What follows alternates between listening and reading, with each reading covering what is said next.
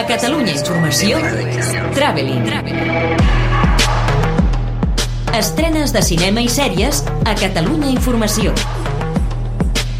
Traveling. Amb Marc Garriga. You brothers, you could move mountains without lifting a finger. Les millors estrenes de cinema arriben aquesta setmana a través de les plataformes. Destaca per sobre de totes One Night in Miami, a Amazon Prime, des de divendres 15. És el primer film dirigit per l'actriu Regina King i ha recollit diverses nominacions a banda d'estar seleccionada a l'última mostra de Venècia. S'inspira potser d'una forma massa teatralitzada en la nit en què Cassius Clay es converteix en campió dels pesos pesants al 1964 i ho celebra en una habitació d'hotel amb l'activista Malcolm X, el cantant Sam Cooke i el jugador de futbol americà Jim Brown. Quatre personalitats ben diferenciades, però tot i això amics de l'ànima. El film es recrea en les seves disputes, sobretot arran de les seves diferències polítiques i religioses, i sobre el significat de la fama. I acaba sent un magnífic retrat del segregacionisme d'aquella època i com la suma de les seves voluntats van suposar una fita entre els moviments dels drets civils als Estats Units. Molt autèntica, reflexiva, enriquidora, amb un potencial que no acaba d'explotar del tot, però sobretot molt actual, encara que sembli mentida, gairebé 60 anys després. On a horizon. I'm just looking, thank you. A Movistar Plus hi ha una veritable llau de noves propostes cinèfiles i per sobre de totes una que incomprensiblement no ha trobat un forat per estrenar-se en sales, tot i la seva bona acollida al Festival de Sant Sebastià del 2019.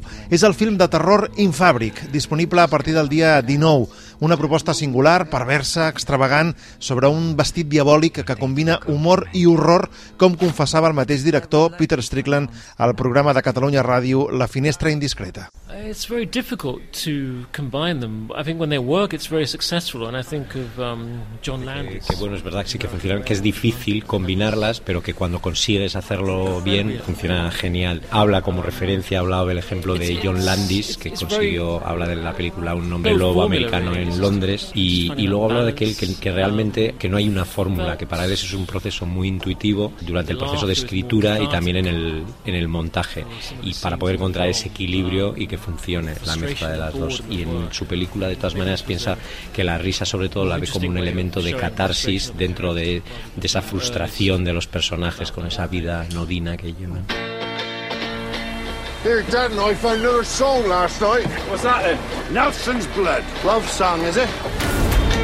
De la resta d'estrenes de la plataforma telefònica destaquen Fisherman's Friends, una comèdia musical que s'inspira en la història real d'un grup de mariners de Cornualles que va triomfar per sorpresa en el món de la música folk i Adolescentes, un interessant documental sobre el pas a l'adolescència de Sebastián Lifshitz, que durant 5 anys ha seguit dues amigues des dels 13 fins que han tingut edat per votar i tot amanit amb música de Tindersticks. Totes dues disponibles des del dia 15. I això sense oblidar que el pròxim 21 hi ha la tercera entrega de l'antologia de Steve McQueen, Smolax. És el torn de Rojo, Blanco i Azul, on John Boyega, el fin de Star Wars, interpreta un jove científic forense que aspira a convertir-se en policia per erradicar el seu comportament racista.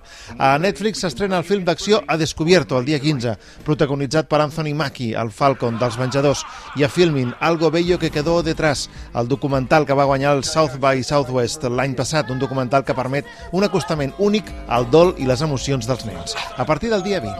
Wouldn't have hurt to have put him on a lead. Henry! We're friends now. En sales hi ha novetats, poquetes, però n'hi ha i cal reconèixer la valentia de les distribuïdores que aposten per presentar novetats en aquestes circumstàncies. Així doncs, la recomanació inicial és 23 passeos, la història d'amor tardana entre un home i una dona que es coneixen passejant el gos, tot i que els dos protagonistes no acaben de tenir tota la química necessària, els seus passejos i les seves converses sobreixen sinceritat, honestedat i veracitat, tot i que amb dos guarden els seus secrets. Un film agradable i ben intencionat, igual com Vacaciones Contigo y tu mujer, una divertida comèdia romàntica francesa. També s'estrena Más allá de les palabras, un film complex sobre la migració i la integració, filmat en un pulcre blanc i negre, però que es perd una mica en les seves divagacions. I per al públic infantil, dues cintes d'animació que s'estrenen en versió catalana.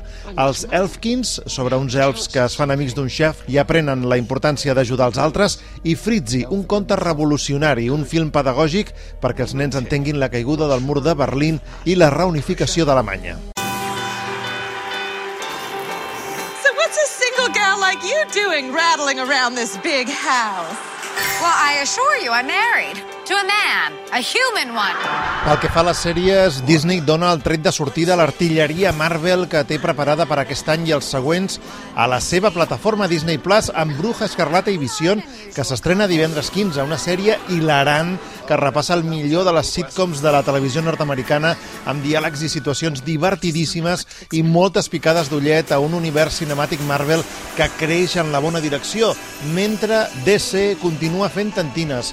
Ara tenen una oportunitat de redreçar la mediocre Batwoman amb una segona temporada on canvia l'actriu protagonista després de la fugida de Ruby Rose. El 18 HBO amb la pràcticament desconeguda Javisha Leslie al capdavant i un dia després, el 19, Filmin estrena una nova sèrie sobre els atemptats d'Oslo i Utoya del 2011.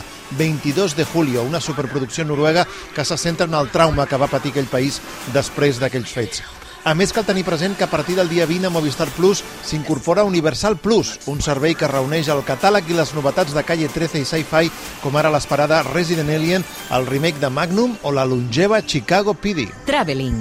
Estrenes de cinema i sèries a Catalunya Informació, amb Marc Garriga. Well, I think we handled that well.